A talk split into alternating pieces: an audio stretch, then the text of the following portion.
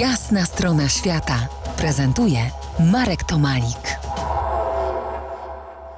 Po jasnej stronie świata Henryk Wolski, podróżnik, uczestnik wypraw na wielu morzach i wszystkich oceanach świata. Opowiadamy o słynnej wyprawie Sir Ernesta Shackletona sprzed ponad 100 lat.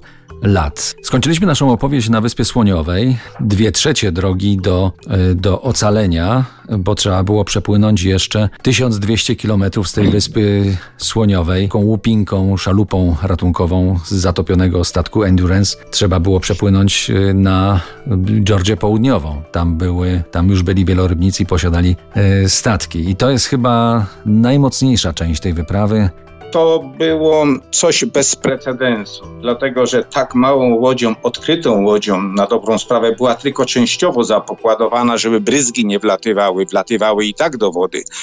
Po 14 dniach niebywałego wyczynu żeglarskiego zauważyli południową Georgię i wtedy dopadł ich okrutny sztorm.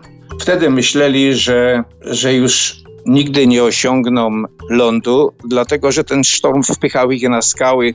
Po 17 dniach, od chwili, kiedy opuścili Elephant Island, po 17 dniach postawili stopę na południowej Georgii.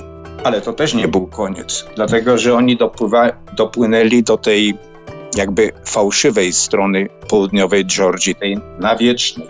Na nawiecznej stronie, na tej zachodniej stronie, wystawionej na wiatr, e, nie było żadnej stacji wielorybniczej.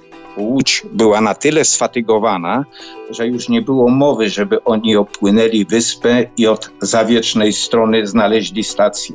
Po jakimś czasie, aż doszli do siebie, to minął niemal tydzień, zdecydował Shackleton, że trzech z nich, trzech, którzy byli w trochę lepszej kondycji niż trzech pozostałych, pójdzie w poprzek przez wyspę. Jeszcze nikt przedtem tego nie zrobił.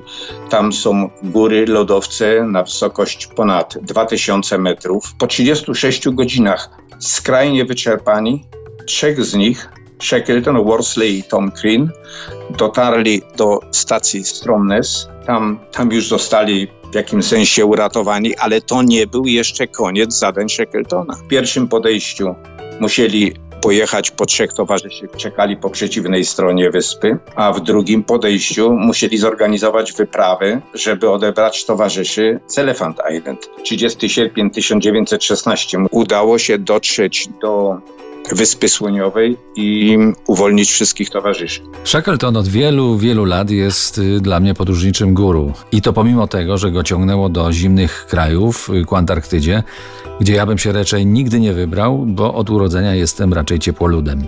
Y, cóż mnie w nim urzekło? Tak najkrócej, jego żelazny charakter, który uczynił go chyba najlepszym szefem podróżniczych wypraw wszechczasów. Stał się legendą i to pomimo tak zwanego braku osiągnięć podróżniczych sensu stricto. Opowiemy o tym w kolejnych y, naszych dzisiaj spotkaniach, a teraz jeszcze dopowiem, że Ernest Shackleton został patronem Beskidzkiego Klubu Podróżnika i Żeglarza, który miałem przyjemność y, prowadzić przez 10 lat w tawernie Shackleton w Bielsku Białej i kilka kolejnych w murach y, słynnego Teatru Witkacego w Zakopanem.